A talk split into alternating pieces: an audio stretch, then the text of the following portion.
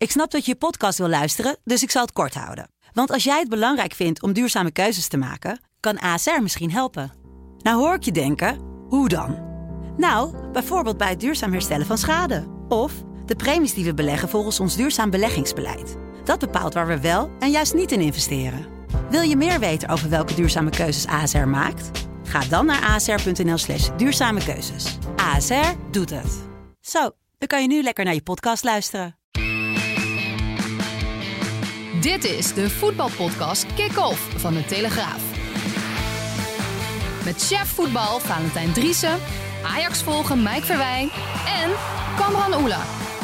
Vrijdag 8 mei 2020 een uh, nieuwe Kick-Off Eredivisie podcast met ook een nieuwe leader Mike. Uh, je hebt hem eindelijk voor elkaar. Ja, Pim is er een keer niet in. Uh, je hebt het goed geregeld, Ja. Cameron. Dankjewel. Nee, ik dacht ik kom hier binnen en uh, leader moet mee. En ook in de studio Jeroen Kapteins. Fijn dat, je er, dat je er bent. En Valentijn weg uit de leader Mike. Dus ja, want Valentijn is natuurlijk niet hier in de studio. Nee, nee, maar Nee. We, we wisten nog niet dat hij zou inbellen, maar hier is hij. Oh, hij, Ja. hij, uh, hij is er nou. Toch, daarom hoorden we toch je naam. Valentijn, je, je hangt aan de lijn. Um, hey. De kat van huis. Hè? Precies. Uh, ja. Nee hoor, je zit, je zit gewoon wel in de leader. Maak je maar geen oh. uh, zorgen. Maar uh, we hoorden het vorige week hier in de podcast al dat een lelijke val had gemaakt. Hoe gaat het met je? Ja, redelijk. Mogen niet, niet klagen. Ik heb mijn heup gebroken. En ja, ja, daar voel ik eigenlijk weinig van. Er zit een dikke pin in en, en een paar schroeven. En die houdt het hele zaakje bij elkaar. En dat gaat eigenlijk wonderwel goed. Alleen de wond, ja, daar heb ik wel veel last van. Ik heb, en daarbij ja, heb ik waarschijnlijk iets geforceerd met oefeningen. Want ja, ik heb een heel stijf been eigenlijk. Dus uh, hm. ik ben niet echt mobiel, dat niet. Maar ja, dit gaat prima zo, ja. inbellen. Ja, dat inbellen gaat, gaat goed. Maar je, je ligt dus nu ergens gewoon op je, op je bank of zo te bellen met ons. En, en, en daar, nou, daar... ik, ik, zit op mijn kantoor, want zitten gaat op zich gaat wel. Ah. Alleen ik moet wel mijn been een beetje omhoog houden. Ja. ja, ja. En, dus... Nou, dat is een podcast wel handig. Krijg je geen commentaar op je blote voet, uh, denk ik. Net zoals nee, bij Veronica nee, Inside. Ja, ja, ja. Dat was het eerste wat ik, uh, wat ik hoorde, ja. Alleen, ja, ik loop nog steeds met blote voeten, omdat ik kan mijn sokken zelf niet aandoen. Dus dat, dat, dat, dat, lukt niet. Dus vandaar. Nou, gelukkig is het weer maar mooi. niemand die wat ruikt, toch? Daar? nee, jawel, maar dat ben jij dan niet. Oké. Okay, dat, Jeroen. Het, ja, Jeroen houdt zich heel stil. Wel blij dat we op anderhalve meter zitten trouwens. Valentijn, hoe lang gaat het uh, revalideren duren? Hoe lang duurt het nog voordat we je hier weer gaan nou, zien? Ik, ik, hoop volgende week de, uh, dat de hechtingen eruit gaan. Dan wordt er een foto genomen. En dan uh, zal ik nog wel één of twee weken met krukken moeten lopen. En daarna hoop ik langzamerhand wel weer wat meer mobieler te worden. Ja. Wat meer het mannetje. Dus. Kijk, nou, het, wat meer het mannetje, dat, dat klinkt in ieder geval al heel positief. Um, en er wordt voorlopig niet echt gevoetbald, in ieder geval niet in, uh, niet in Nederland. Dus wat dat betreft uh, mis, je, mis je heel weinig. Uh, er gebeurt ja. wel van alles natuurlijk in, in, in de rechtszalen, in Duitsland. Laten we maar naar de stellingen toe gaan, Mike, Jeroen. Um, Valentijn, doe jij ook mee aan de stellingen of zullen we het in de studio ja, houden? Ja, lijkt me wel aan. Oh, toch ja, wel? Of je moet mij er zo uit willen knikken dat je mij voor één of twee onderwerpen is. Dan, Ja, oh kijk, zo makkelijk ben je niet van ons. de muizen dansen nog even door hoor. Dat, ja, ja. We, gaan, we gaan naar de stellingen toe. De KNVB, die moet vrezen voor steun van het kabinet. Mike? Eens. Jeroen? Eens. Valentijn? Eens. Oh, een, eens. een eredivisie met 20 clubs komend seizoen is een redelijk compromis. Oneens. Oneens. Oneens. Een jaar zonder publiek moeten voetballen is rampzalig voor het betaald voetbal. Eens. Eens. Eens. Terecht dat Van der Sar zegt dat spelers van Ajax niet voor half geld de deur uitgaan. Eens. Eens. Eens. Volgende week spelen in de Bundesliga is onverantwoord. Eens. Oneens. Eens. Kijk, toch, uh, toch ergens een meningsverschil. De FIFA ja. had in plaats van vijf wissels voor doorwisselen moeten kiezen. Oneens. Oneens. Oneens. En tot slot, het is 8 mei. Lucas Moura doet Ajax-fans een jaar later nog altijd pijn. Nou, kijk even op mijn Twitter. Eens. eens. Ja, eens. ja, want ja. Uh, laten we daar even mee, uh, mee beginnen. Uh, natuurlijk mooi. We hebben Lucas Moura weten te interviewen. precies een jaar later, Mike. Ja, Spurs, Spurs heeft hem geïnterviewd. Maar we konden wel eerder over dat interview beschikken. En ja. daardoor ook zeg maar, ons eigen verhaal maken voor de krant van vrijdag. Maar het ligt gevoelig in Amsterdam, merkte Ja. ik vanochtend opeens toen ik eh, op mijn Twitter keek. 8 mei, dat eh, is een dag die heel veel Ajax-fans heel snel willen vergeten. Natuurlijk ooit de titel verspeeld bij de Graafschap. Mhm. Dat PSV door een overwinning bij PEC Zwolle alsnog eh, met, met de schaal vandoor ging. Ja, en Lu- Lucas Moura, hij scoorde niet zo heel veel. Maar ja, die avond drie keer. Ja. En Ajax verspeelde een 2-0 voorsprong bij rust. En ging niet naar de finale van de Champions League. Nee, ja, we weten het volgens mij allemaal nog wel. Dus vandaag precies een eh, jaar geleden. En je ziet dan vervolgens dat als je er iets over twittert, in jouw geval, hè, dat we een verhaal over hebben. Ja, de, de Ajax-fans denken dat ik ook Ajax-fan ben. Maar het gaat altijd om journalistieke relevantie. En Ja. als je zo'n interview kunt krijgen, denk ik dat iedereen hem eh, had aangepakt. Je raakt gewoon volgers kwijt. Ja, een stuk of 50 eh, vanochtend. En ik weet niet hoe lang dat doorgaat. Maar die komen wel weer terug als er, Ja. eh, als er grote Ajax-nieuws is, denk ik. Kijk, die, dat zit nog, dat zit nog enorm, enorm diep. Laten we dan naar echt het nieuws van vandaag gaan. Jeroen, jij bent vandaag in de rechtbank geweest. Een kort geding. Cambuur, die wil onder andere eh, terug de, de graafschap. eh, die, die, die, die zeggen van ja, wij, wij horen gewoon thuis in de eredivisie volgend seizoen. Ja. Ehm, hoe, ging die, eh, hoe ging dat kort geding? Wat, wat viel jij daarop? Nou, het, viel- het duurde ten eerste behoorlijk lang. Het was drie uur, dus het was een behoorlijke eh, zitting. Jij dacht, ik ga een keer naar een kort geding. Dat is kort, laat mij dat maar doen. Nou ja, een van de advocaten had tevoren aangekondigd dat het wellicht wel in 45 minuten gedaan zou kunnen zijn, zei de rechter. Maar die moest toch constateren dat het, dat het niet gelukt was, toen het eh, drie uur later was. Nee, wat me opviel was dat ehm Cambuur en de Gas hadden eh, de advocaat eh, Dolle Segaar, die hen vertegenwoordigd, had heel veel werk gemaakt van de verdediging. Ehm, maar ja, had heel veel punten eigenlijk waarop hij het besluit aanviel. En dat geeft ook wel een beetje aan dat ze niet heel erg goed weten hoe ze dit aan moeten pakken. Want dat ze het over heel breed hun, hun aanval inzetten. En, en op allerlei manieren gaten erin proberen te prikken. Ja. En ehm, ja, uiteindelijk eh, denk ik toch dat het ook een lastige zaak is. Omdat de rechter vaak toch niet in die eh, verenigingsrechtelijke twisten wil verzeild raken. Mhm. En daar al snel zegt de KNVB, die heeft hier zelf grotendeels zeggenschap over. Maar het was heel onderhoudend en, en interessant om, om te volgen hoe beide advocaten hun, hun betoog hielden. Ehm, volgende week donderdag is de uitspraak, geloof Ja. ik. Hè? Dus, eh, nou, tenminste uiterlijk volgende week donderdag. eh, ze proberen het eh, in de loop van volgende week en uiterlijk donderdag te doen. Ja. Ehm, ja, hetgeen waar ehm Segaris pak hem na afloop het meest vertrouwen uitputte, was dat de rechter toch ook een paar keer kritisch doorvroeg in de richting van Knijs, als de advocaat van de KNVB. Hoe dat nou zat met die stemming, hoe die nou vorm heeft gekregen. Ja, de KNVB heeft daar, ehm, eh, het waren 16 stemmen, die zeiden wel promotie-degradatie, 9 niet, 9 onthoudingen. En ze hebben die 9 eh, onthoudingen eh, gezegd, ja, die, dan, dan is er geen meerderheid. Omdat ze die Ja. 9 bij die 9 niet-stem hebben geteld. En dat vond hij toch wel curieus, bleek. Ehm, ja, dat is eigenlijk het punt waar ze het meest op uh, hun hoop op hebben gevestigd. En of dat terecht is, ja, dat zal, dat zal moeten blijken. Ja, en, al, en dan zou het dus straks kunnen blijken dat, hè, dat misschien wel uh, ze alsnog uh, mogen promoveren. Dan krijg je dus een Eredivisie met 20 clubs. Ja, maar ik denk niet dat de rechter gaat beslissen dat zij alsnog mogen, mogen Nee. promoveren. Nee, de rechter zal hoog uit, en dat geeft ze graag ook aan, zeggen van jongens, de, het proces dat is niet helemaal verlopen volgens de spelregels Mhm. zoals de KNVB die zelf heeft opgesteld. En uh, ga opnieuw om de tafel, ga een deel van het proces opnieuw doen. Dat is, dat is het maximale wat er bereikbaar is voor uh, de graafschap en Cambuur. Ja, dus dat die opening er toch weer komt. Dat is het maximale. De rechter zal niet zeggen, volg, uh, die, je krijgt niet volgende week donderdag te horen, uh, Cambuur en de graafschap uh, spelen volgend seizoen in de Eredivisie. Nee. En, ja, wat, wat, wat, wat, ik eigenlijk uh, het, het, enige zwakke punt vond bij, bij de KNVB, hè, die, uh, de regels en de reglementen zijn gevolgd. Uh, ze kwamen eigenlijk uh, niet uh, goed uit de vraag van Segaar wat er eigenlijk nu, en ook van de rechter, wat er nu eigenlijk nog meer voor argumenten zijn geweest, behouden ze die stemming, om te komen tot alleen of geen promotiedegradatie. Dat, dat vond ik wel opvallend. En dat vond ik ook, want ik heb, toevallig heb ik de elf pagina's gelezen van de call van die vrijdag. En dat kwam er inderdaad ook niet duidelijk, uh, of dat kwam niet duidelijk tot uiting. En daar ben ik eigenlijk zelf ook nog steeds wel benieuwd naar. Wat er nou behoudens, die stemming, nou nog meer de aanleiding is geweest om, uh, voor Erik Gudde dan, om te kiezen voor uh, geen degradatie en geen promotie. Zal Mike? dat niet de juridische houdbaarheid zijn? Want ja, we hebben ook mensen gesproken die zeiden van tevoren, een heel seizoen schrappen, dat is het beste verdedigen voor de rechter. En ik, ja, ik, heb, ik heb ook wel het idee dat, dat de rechter, en dat was uiteindelijk ook de, de opmerking van Harro Knijf, de advocaat van de KNVB, die zei van ja, de Graafschap en Cambuur hopen dat u op de stoel van de competitieleider gaat zitten. Ja, terwijl hij zijn betoog was begonnen met het verzoek om zich niet al te veel te mengen in deze discussie en heel terughoudend te zijn. Dus ik, ik denk dat de KNVB daar ook wel op inzet. Dat dat een van de redenen is om, om voor deze oplossing te kiezen. Ja, ja. alleen dat het is nog geen enkele keer door, uh, niet door Knijf.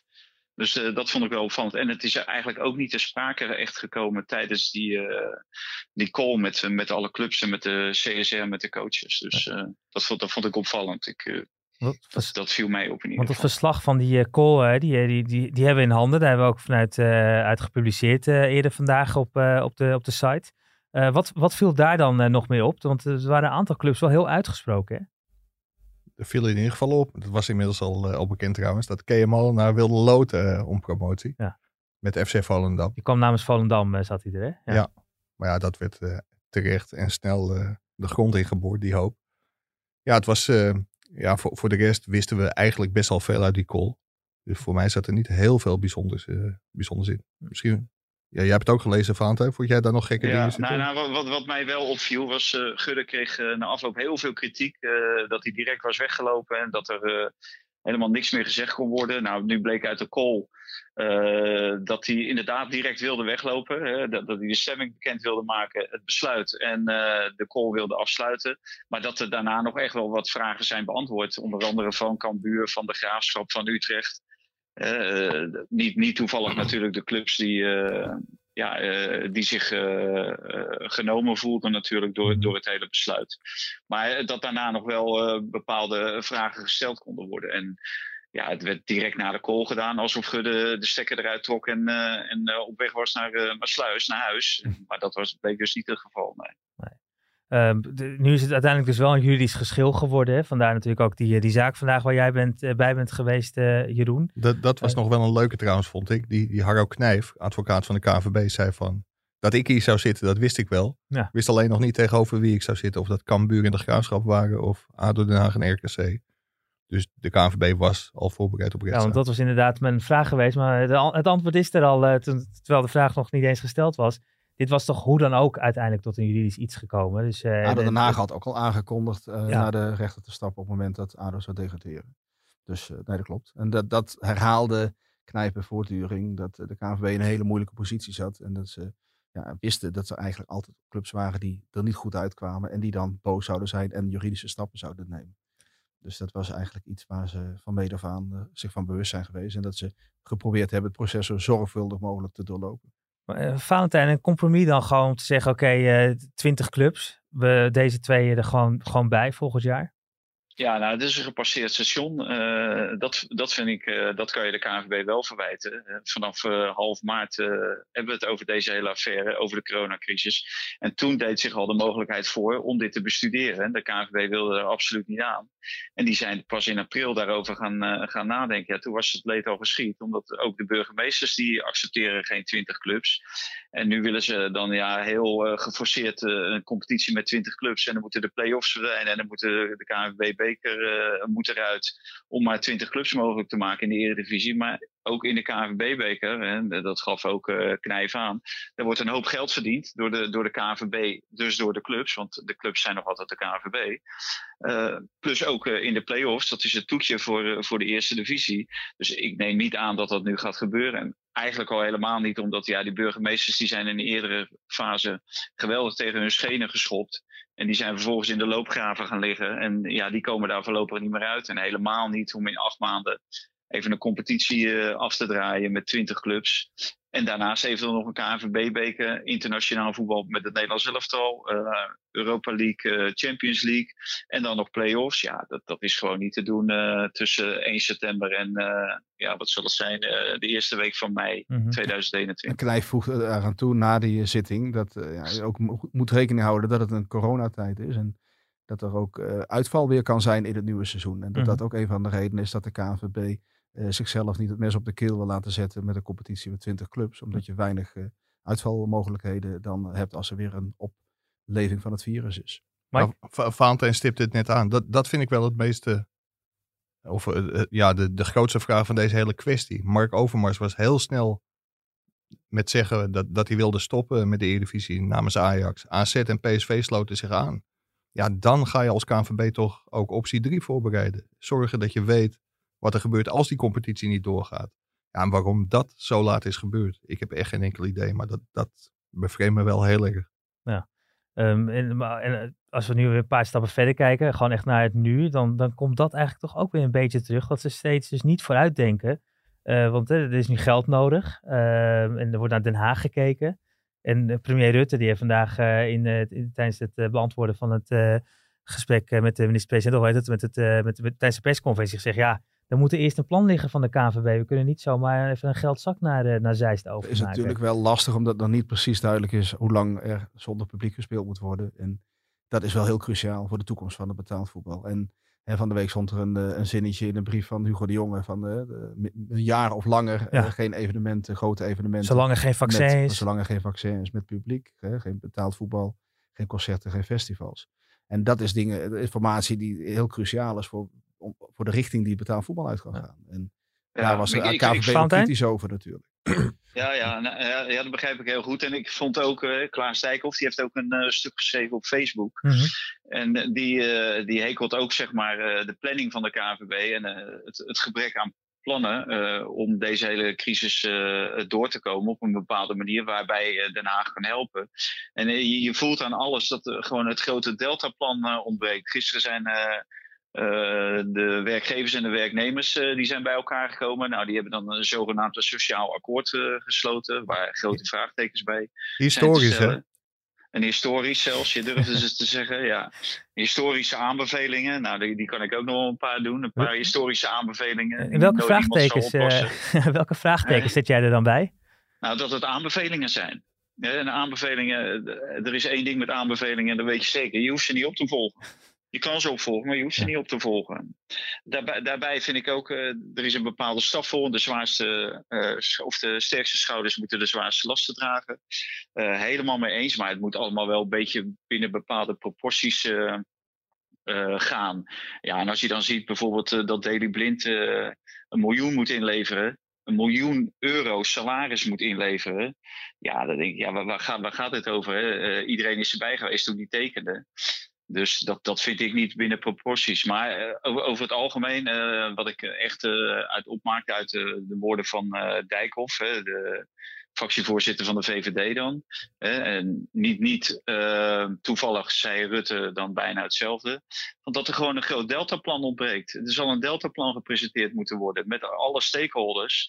Ja, komende dinsdag of donderdag komen ze bij elkaar volgens mij om daarover te gaan praten. En daar zullen op een gegeven moment uh, grote plannen uit moeten komen. Gezamenlijke plannen. En dan maak je misschien een kans uh, in Den Haag. En zolang dat niet gebeurt, hè, want dat is wel duidelijk, dan komt er echt geen euro richting het betaald voetbal naar, vanuit Den Haag los. Nou, Valentijn schreef daar vanochtend een column over. Kijk, de, ja, de, de VVCS en, en partners die rekenen zich ontzettend rijk met 35 miljoen die er binnen zou komen. Ja, dat is natuurlijk helemaal niet gezegd eigenlijk moeten de clubs met alle spelers individueel om tafel gaan zitten. Want dat zijn de afspraken die gemaakt zijn, contractuele afspraken.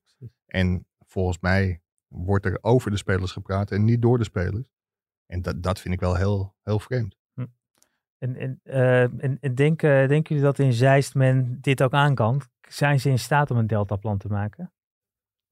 Uh, ja, je, je kijkt naar mij. Je, je ja, Valentijn mag ook. Ja, dat denk ik wel. Alleen ik denk dat de politiek hier ook een rol in heeft. En duidelijk het beeld moet schetsen wat, wat het nou wordt. En uh, als het het jaar is zonder publiek, uh, dat, dat, dat ze die duidelijkheid ook geven. Dus reden is dat eigenlijk ook nog. Weet je, het kip-ei-verhaal, hè? We moeten eerst een plan ja, liggen. Ja, dat snap ik. Maar je moet plannen zijn, kunnen maken. Kijk, Ik spreek, iedere directeur die ik spreek heeft scenario's liggen. En die heeft een scenario liggen van komend seizoen wel met publiek. Komend seizoen uh, tot de winterstop zonder publiek. Komend seizoen helemaal zonder publiek.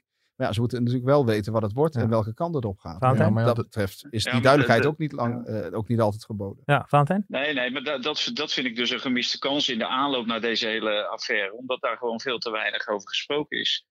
om, om te zeggen, want je kan namelijk ook zelf de regie in handen nemen. En dan kan je zeggen, wat ze nu dus wel doen, want ze houden nu allemaal rekening met uh, wedstrijden zonder publiek tot en met 31 december. Nou, dan kan je daar vandaan kan je een plan schrijven en alles wat, wat wat je eerder met publiek kan schrijven is meegenomen. Maar je kan in ieder geval een plan uh, presenteren met z'n allen van nou, tot 31 december kunnen we allemaal in de benen blijven als we dit, dat en dat doen. Mhm. Spelers, trainers, uh, clubdirecties, uh, weet ik wie allemaal, gemeentes. Dus en, en ja, dat initiatief is er gewoon nooit. De regie die ontbreekt volledig. En ja, dat, ik vind dat kan je de KNVB wel kwalijk nemen, want de KNVB die wilde de regie op zich nemen en die trok het ook naar zich toe. Maar uiteindelijk hebben ze, dat, uh, hebben ze daar veel te weinig mee gedaan. Ja. En op het moment dat je de regie pakt, kijk, dan heb je ook uh, uh, een, een, sterke zaak richting de overheid. En dat zag je natuurlijk in Duitsland wel. In Duitsland hebben ze heel nadrukkelijk de regie gepakt. Hebben ze allerlei scenario's hebben ze, neergelegd. En die wisten ook niet wanneer ze konden beginnen. En of het met publiek of zonder publiek en tot wanneer. En het, het grote voordeel van Duitsland is ook wel, je hebt daar een ja, Angela Merkel, die helemaal gek is van voetbal. En Mark Rutte, Ja, Rutte die geeft niet, hè? gewoon helemaal geen ene reet om voetbal. Dus nee, ja, die, die kijkt naar ADO Den Haag. eh, heel af en toe zit hij op de tribune. En, Willem eh, II heel zit hij af en toe bij op de Willem. II en bij, Ja. bij Nederlands elftal. En dat Ja, is het, hè, geloof ik. Ja. ja. Maar de- de- dat, eh, kijk, eh, je kan, daar kunnen we natuurlijk lachen over doen. Maar Bruno Bruins bijvoorbeeld, hè, die, die is ingestort. Die had wel een betere band met de KNVB. En daar, daar Ja. lagen veel meer lijntjes. En die was dan ook... eh, eh, die had een seizoenkaart bij, bij ADO Den Haag. Dus Ja. dan zou ADO sowieso ook niet zijn gedegradeerd. Maar de, op, op dat moment heb je natuurlijk wel eh, iemand, eh, een, een aanspreekpunt... die ja, ook voor het voetbal iets wil doen. Ja. Ja, en Hugo de Jonge en Mark Rutte en Van Rijn... Ja, die, die zie ik allemaal niet in de bres springen. En, eh, en voor, voor een gedeelte terecht, want, want er zijn ook gewoon geen goede plannen. Nee. Er, er is een brief of een mail gestuurd van... eh, ja, wij komen dadelijk 300 miljoen euro tekort. Ja, ja en dan? En dan? Wat, wat wil je dan? En, Ja. eh, en hoe, ga, hoe ga je dat zelf oplossen? Dat vind ik heel begrijpelijk dat, eh, dat Hm. Den Haag dat vraagt. Ja, maar zelfs als er een zak geld komt, dan, ja, dan ga je natuurlijk allerlei vragen krijgen. Kan Ajax dan een speler kopen? Kan PSV? Toon Gerbrands was daar vorige week, was dat vorige week? Vorige week, ja, zeker. Heel duidelijk over. Die zegt van ja, het kan niet zo zijn dat wij dan geen spelers zouden. Dus ja, het wordt sowieso een hele interessante tijd wat wel en niet kan. Ja. Maar ik ben het wel eens dat er op een gegeven moment wel duidelijk moet worden welke kant het op gaat. En er moet gewoon een deltaplan komen. Mhm. Maar of dat nu nog lukt en Ja. hoe Den Haag daarmee omgaat, dat... eh, Maar in ieder geval is Nou ja, ook wel... Ja, ja Valentijn? Ja, ze, nou, nou ja, ze hebben natuurlijk de deur opnieuw opengezet. In feite, hè, wat eh, Dijkhoff en Rutte vandaag zeggen, die, die zetten daarmee de deur open. Eh, Ja. het, het is in feite een uitnodiging van, eh, nou kom maar op kom jongens. plan. Ja. Het zijn Ja, ook daar voetbal is natuurlijk dat een mega- in de rechtszaak eh, Ja. drie uur zitten, eh, ga liever met elkaar om de tafel en, en kom met een plan. Want die rechtszaken, eh, dat merkte je bij Dijkhoff, dat stoorde hem verschrikkelijk gewoon. Ja.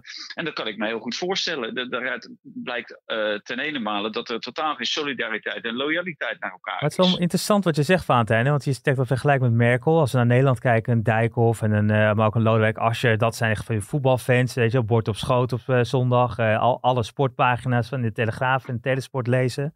En, en dat mis je een beetje bij, die, bij de huidige bestuurders daar. Dan ontstaat die mismatch dus ook. Dat, Ja, dat, ja, jij, volgens mij zei je Dijkhoff en, en Asje. Nou, dat zijn twee fractievoorzitters. Ja. En natuurlijk hebben die een hoop te zeggen. Maar het gaat uiteindelijk om de beleidsbepalers. Nee, precies, dat bedoel ik. Dus die zitten niet Ja. in dat kabinet, waardoor je dus niet Nee. die, die, die passie hebt om, eh, om het op te gaan lossen. Ja, Nee. maar toch, en dat zei Valentijn eigenlijk, eigenlijk ook wel. Tu- tuurlijk is dat zo dat er weinig feeling met de sport is en met voetbal in het bijzonder. Alleen die bal lag in dit geval wel bij de KNVB. En, en die hebben er gewoon echt verdomd weinig mee gedaan. En nu heeft Hugo de Jonge dan, we hadden net al even over gezegd van ja, totdat het vaccin er eh, is, eh, misschien wel zonder publiek. De KNVB reageerde vervolgens dat ze onaangenaam eh, verrast waren door de voorbarige mededeling van minister de, Jonge. Ehm, nou, net was de stelling al, een jaar zonder publiek. Stel nou dat het zo is. Dat is een ramp. Een ramp voor het Nederlands voetbal. En met name ook in Nederland, omdat hier het aandeel televisierechten in de totale inkomsten van clubs relatief lager is ten opzichte van andere competities. Ze halen veel meer uit het bezoek aan wedstrijden, seizoenskaarten, losse verkoop, maar ook omzet rondom wedstrijden. En eh, ja, dan, val, dan vallen totale eh, eh, inkomstenmodellen vallen totaal weg bij clubs. hè. Er Ja. zijn clubs die bijna niks overhouden aan inkomsten. Ja, dat wordt enorm moeilijk om dat eh, overeind te houden. Maar, in- ja, maar, in, maar in het buitenland bijvoorbeeld, hè, dan wordt er gezegd nu al van eh, geen publiek. Hè. De EK staat zelfs, eh, nou, het de EK staat niet op het spel, maar een EK in de Johan Cruijff Arena met publiek. die vier wedstrijden, dat, dat zat wel eh, op het spel. Maar in, in andere competities, en volgens mij zelfs in die Wit-Russische, die, die gewoon doorging. Ja, daar staan ze gewoon met zo'n temperatuurmeter bij de, bij de poort. En dan kijken ze hoeveel graden, hoeveel graden je lichaamstemperatuur is. En, en daarna mag je doorlopen. Dus ja, ik, ik vind het ook wel heel erg voorbarig wat, wat de jongen heeft gezegd. Ja. En dat ligt bij de politiek. Dat ligt niet bij de KNVB of bij de voetbalclubs. Ja, dat is de politiek Nee, die dat niet ligt bij de die opening ja. biedt en die gelegenheid eh, biedt om toch Ja. op de een of andere manier een voetbalbeleving in het stadion te hebben. We, we hadden het net al, hè, we hebben Wit-Rusland, maar eh, ook iets dichter bij huis in het land van Merkel. In de Bundesliga wordt er dus gewoon vanaf volgende week, geloof ik al, van Ja. is het, zaterdag eh, 16 mei, rolt de bal weer. Ja, heerlijk. Leuk om eh, op tv te gaan kijken, maar volgens mij was de stelling hoe verantwoord dat is, Ja. of, of het verantwoord is. Ja, ik denk het niet. De spelers die, eh, die hebben nu inmiddels een week of zeven, acht niet gevoetbald. En normaal gesproken staat er voor een week die je niet voetbalt, moet je ook weer een week volop trainen om fit te raken. Ja, ik ben bang dat dit wel heel erg snel hervatten is. En dat het wel eens blessures kan gaan, eh, gaan regenen. Ik dacht dat jij met onverantwoord bedoelde vanwege het eh, coronavirus, maar je bedoelt de fitheid van de spelers. Ja, ook. En qua coronavirus, dat weet ik niet. Als de stadions leeg zijn en de spelers getest worden, ja, dan kan het ook nog fout gaan. Maar ik vind, ja, dan is het misschien wel een poging waard. Ik vind Ja. het vooral onverantwoord qua fysieke belasting voor de speler. Blijkt dat men wel al wat langer, al wat meer, eh, in sommige clubs al wat meer hebben gedaan.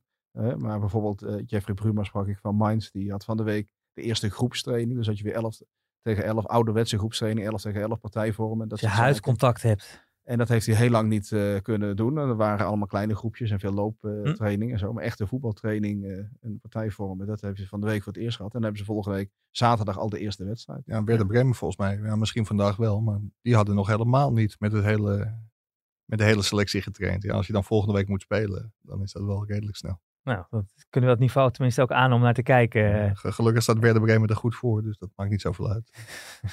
Ja, plus, plus wat gebeurt er als er eh, één of twee spelers eh, Ja. onderweg eh, op corona getest worden? Eh, Le- Lewandowski, nou, Lewandowski is in dit geval is die geblesseerd. Maar als, als een paar topspelers eh, ja, eh, corona hebben, dan, dan liggen ze er gewoon twee weken of drie weken liggen ze eruit. Ja, is dat allemaal eerlijk? Dan kan je zeggen van ja, normaal kan je ook geblesseerd raken. Ja. Maar eh, dit is natuurlijk wel het gevaar wat speelt. Bij Keulen worden er eens twee spelers uitgepikt die, eh, die corona hebben. Nou, gisteren volgens mij bij Fiorentina een aantal, zes. Ja. En eh, in, in Brazilië bij Flamengo geloof ik eh, 23. Ja, wat, ja, is dat allemaal fair? Is dat allemaal eh, eh, sportief? Ja, dat Ja, dat, ook wel. dat is natuurlijk wel de vraag. Hè. Stel je voor je speelt een, een wedstrijd in Duitsland en er wordt een dag later of twee dagen later iemand positief getest op corona. Moet dan de tegenstander plus alle medespelers eh, twee Ja. weken in quarantaine? Ja, dan, dan kun je de competitie alweer stopzetten. Dus ja, dat, dat zal testen, testen, testen zijn. En zolang iemand niet, eh, niet positief is, dan kan hij waarschijnlijk voetballen. Maar ja, als dat heel snel gaat, dat er heel veel spelers besmet raken, dan staat er heel snel weer een punt achter de competitie ook, denk ik. Dat is wel een interessant experiment. En Duitsland is natuurlijk een land dat die bestrijding van het coronavirus ook erg goed eh, voor elkaar heeft. Hè. Het is ook veel beter dan hier. eh, Met veel meer testen, veel meer IC-capaciteit, al dat soort zaken. En daarom eh, biedt dit, hebben ze ook wat meer ruimte om dit soort dingen te doen. Omdat Ja. ze daar ook iets meer eh, ademruimte in hebben. Omdat ze alles eh, beter onder controle hebben. Ja, da- daarom word ik ook wel moe van het gelul van sommige, sommige collega's die zeggen van ja, zie je wel veel te vroeg gestopt in Nederland. Want in Duitsland kan het ook. Nou ja, één hebben ze daar de, de coronacrisis vanaf het eerste moment veel beter aangepakt. Ze hebben daar 24.000 IC-bedden, veel minder doden per 100 inwoners, veel minder besmettingen. Ja, dat, dat is appels met peren vergelijken. Precies, niet te vergelijken met elkaar. Nee, en in Nederland is gewoon elk evenement met een vergunning verboden tot 1 september. Dus ja, de KNVB had nog vier weken kunnen wachten. Ja. Maar dat die stekker er op een gegeven moment uitgetrokken werd, dat was echt volkomen logisch. Dus dat gehuil achteraf gaat echt helemaal nergens over. En Mark, je had het net al even over de fitheid van spelers. Hè? Weinig getraind eh, en dan toch opeens daar eh, moeten staan. De FIFA heeft daar een oplossing voor bedacht. Eh, in plaats van drie spelers wisselen, mag je er straks vijf wisselen. Opgelost. Ja, opgelost weet ik niet. Maar het is in ieder geval een verstandige beslissing, denk ik. Ja. Jij wilde onbeperkt doorwisselen, net zoals bij de pupillen. Nou ja, ik ben benieuwd. Is dat niet een idee? Gewoon onbeperkt doorwisselen? Ja, maar dan wordt het heel onoverzichtelijk. En ik, ik denk dat vijf wissels, dat het al extra ruimte geeft. En dat, dat, dat het al iets beter is. Voor mij had het er ook zes Dat of zeven mogen worden. Maar ik, ik vind het wel een goede beslissing. Bij het, hockey, gaat- eh, bij het hockey werkt het ook, toch? Ja, Eh, het gaat wel een beetje de, de karakter van het voetbal in. En dan ga je richting basketbal of, of hockey inderdaad. En ik denk dat dat eh, niet per se nodig is, maar dat ze iets meer lucht geven aan de spelers die het zwaar hebben na een periode van, eh, van geen wedstrijden. En nu weer wedstrijden moeten spelen, lijkt me wel verstandig. Uh, Valentijn, uh, hoe is doorwisselen? Is dat ook iets voor jou uh, wat niet ja, bespreekbaar je, wat, je, wat je natuurlijk binnen no time ziet, is dan gaat het helemaal niet meer om de fysieke fitheid van spelers, waar doorwisselen voor wordt gebruikt. Maar dan wordt het natuurlijk gebruikt voor allerlei tactische ideeën. Want ja, we, we kennen alle trainers en ja, dan gebruiken ze het eigenlijk voor een, voor een heel ander doel. En, en ik denk dat dat niet de bedoeling is. En daarom denk ik wel heel goed dat er paal en perk wordt aangesteld. Of uh, dat je wel paal en perk aanstelt. En dan vind ik vijf vind ik heel, uh, vind ik heel netjes, ja. Doorwisselen doen we hier bij die podcast wel, uh, van, Nou, vol ja, volgende week door, staat, hier, staat hier gewoon Pim weer. ja. dan nog heel even nog terug naar die, naar die spelers. Want, we, we, kwamen via die, via die politiek kwamen in Duitsland terecht, maar we, hadden even nog over die spelersalarissen, dat dat, dat, dat dus niet uh, gaat werken. Maar de transferperiode komt er ook aan. Uh, daar wordt natuurlijk ook naar gekeken. Hoe zal, dat, uh, hoe zal dat dit jaar gaan lopen? Gaan de spelers misschien wel weg van de Nederlandse voetbalvelden die, die veel meer waard zijn of waard waren en nu voor een prikje, voor een prikje weggaan? De directeuren denken er anders over, hè, als, ik het, uh, als ik het goed uh, begrijp. Ja, ik snap dat een directeur het roept. Alleen op een gegeven moment moeten er misschien wel gaten gedicht worden. En dan volgt er wel een gedwongen verkoop. Maar ik ben het wel met Edwin van der Sar eens, want daar doel je volgens mij ook op.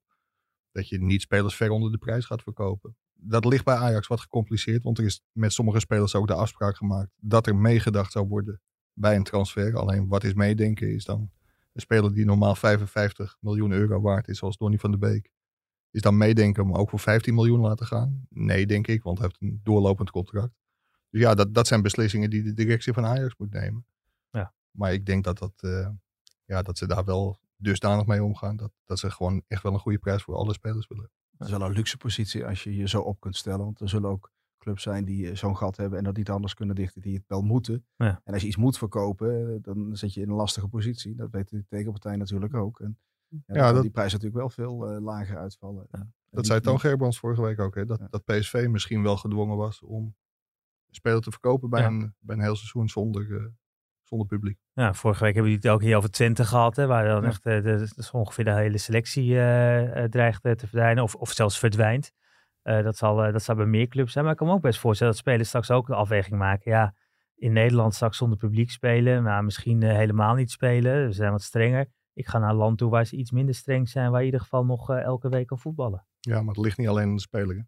Nee. Het is niet zo dat je overschrijving aanvraagt in juni en dan lekker naar Italië of naar, naar Duitsland kunt. Dus ja, de juiste prijs zal betaald moeten worden. Mm -hmm. maar, ik... maar, ik kan me bijvoorbeeld wel voorstellen dat iemand als uh, Steven Berghuis bijvoorbeeld, uh, die moet misschien dadelijk uh, 20% inleveren. Nou, dan blijf je in de Nederlandse competitie. Dat die eerder zal toehappen en, en Feyenoord dan ook, als de goede prijs wordt betaald.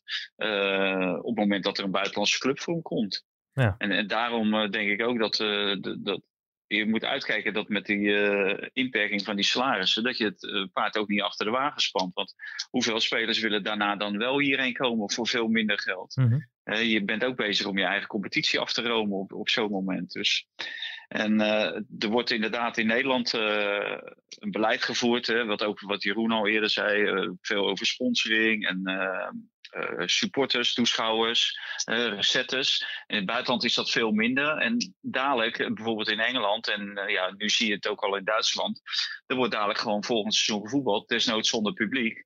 Maar de recettes daar, die zijn van veel minder invloed dan de televisiegelden. Nou, dan kunnen de televisiegelden kunnen in principe doorgaan. Als de economieën en, en de mensen dus ook voldoende geld hebben om het nog steeds te betalen. Want dat, dat speelt natuurlijk ook wel weer een rol. En dan zullen ze uh, in Engeland, uh, ja, verwacht ik gewoon uh, nog steeds en topsalarissen en, en, en goede transfersummen blijven betalen. En dan, dan moet je uitkijken dat er allerlei spelers niet weglopen. Als, als Daily Blind dadelijk een miljoen minder verdient, dan kan hij rustig zeggen van, nou, dit is juist het moment om voor Juventus te kiezen. Dan ga ik ook naar, dan ga ik naar Juventus. Ja, uh, je noemde net even, net even Engeland al. Hebben we daar enig zicht op hoe het daar verder zal gaan? Want dat Liverpool, dat, je zal er maar fan van zijn, je zal er maar spelen. Engeland ja. is wel het land waar de coronapandemie het hevigst heeft toegeslagen in, ja. in Europa. Er zijn uh, natuurlijk enorme problemen op dat vlak. En uh, ja, dat zal het niet makkelijker maken voor de Premier League om, om het te hervatten zoals ze steeds gewild hebben. Ook vanwege televisiegelden. Hetzelfde wat er in Duitsland speelt. Maar dat maakt het natuurlijk wel extra gecompliceerd. Maar in Engeland zijn ook allerlei plannen om de competitie desnoods op een hele rare manier uit te spelen. In Londen, in een aantal stadions, met de spelers in quarantaine in hotels. Dus ik denk dat de Premier League wel heel veel aangelegen is om die competitie wel af te Hoe maken. dan ook, als er maar een optie is, daar dat, dat gewoon te doen. En als die competitie niet wordt afgemaakt, dan denk ik dat Liverpool wel tot kampioen wordt uitgeroepen. Als dat niet gebeurt. Ja, het zou belachelijk zijn. Ik denk dat ze liever kampioen worden in een competitie die uitgespeeld wordt. Dat, dat, eh, dat lijkt me inderdaad eh, ook wel. Ja. Maar wa- wat vind jij nou eigenlijk leuker? Deze podcast of met Wie het Duk? eh? Eh, ik, ik, ik heb die met Wie het Duk deze week opgegeven. Dat wisten jullie. Je hebt, je hebt niet geluisterd deze week. Nee? Nee, eh, een andere collega. Wij roleren hier echt door.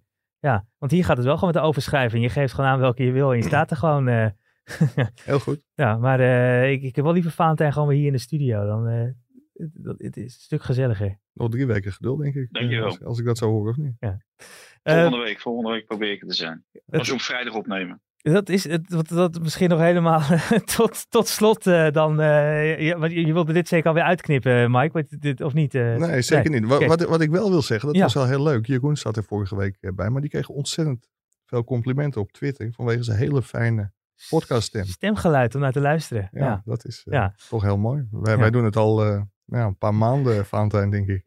Nog nooit een compli- compliment gekregen. Nee. En Jeroen zit er één keer. En die, eh, die Maar dat is, we, hebben het al, we kijken alweer vooruit naar de volgende podcast. Maar eh, we, we hebben, eh, ik denk een week of drie, vier geleden dachten we, ja, het, de podcastseizoen zit er ook op. Eh, want er wordt niet meer gevoetbald in Nederland. Ja, wat, wat moeten we nog bespreken? Maar eigenlijk valt er meer dan genoeg te bespreken. Het nieuws gaat door, hè. het blijft doorgaan natuurlijk. Ja. En straks krijg je clubs die in de problemen komen. eh, de- er zal ongetwijfeld heel veel nieuws blijven. Nou, dus de komende weken gewoon, eh, blijven we hier gewoon doorgaan. Mike? ja, zeker. zeker. Lijkt me een goed Me- idee. mensen denken, en soms zelfs hier in een behoorlijk hoge functies, dat het eh, op de sportredactie tegenwoordig stil ligt. Maar dat is gelukkig, eh, gelukkig niet het geval. Nee. Nou, ik, ik, ik ga jullie hier in de studio eh, bedanken. eh, Want, eh, ik, ik, ik wil eigenlijk gewoon zeggen, Mike Verwij en Jeroen Kapteins. Maar jullie zijn bijna een soort rechtbankverslaggever en een politiek duider. Alsof hier Wouter de Winter en Saskia Belleman in de studio zitten. Want eh, ook het juridische aspect en het politieke aspect hoort gewoon bij de sportredactie deze dagen. Precies. Maar daarom zijn we zo breed ontwikkeld hè? Als, eh, als sportverslaggevers. En moeten we zo breed ontwikkeld zijn. Kijk, ik wil dat laatste woord inderdaad in jou geven, Valentijn, maar je hebt al gesproken. Dankjewel. Heel goed, Eh, dankjewel. dank jullie eh, voor, de, voor, eh, voor deze podcast. En volgende week dan zijn we er weer. Dan gewoon op deze plek weer Pim CD, want we draaien dus gewoon lekker door. En wie weet ook Valentijn in de studio. Bedankt voor het luisteren en tot dan.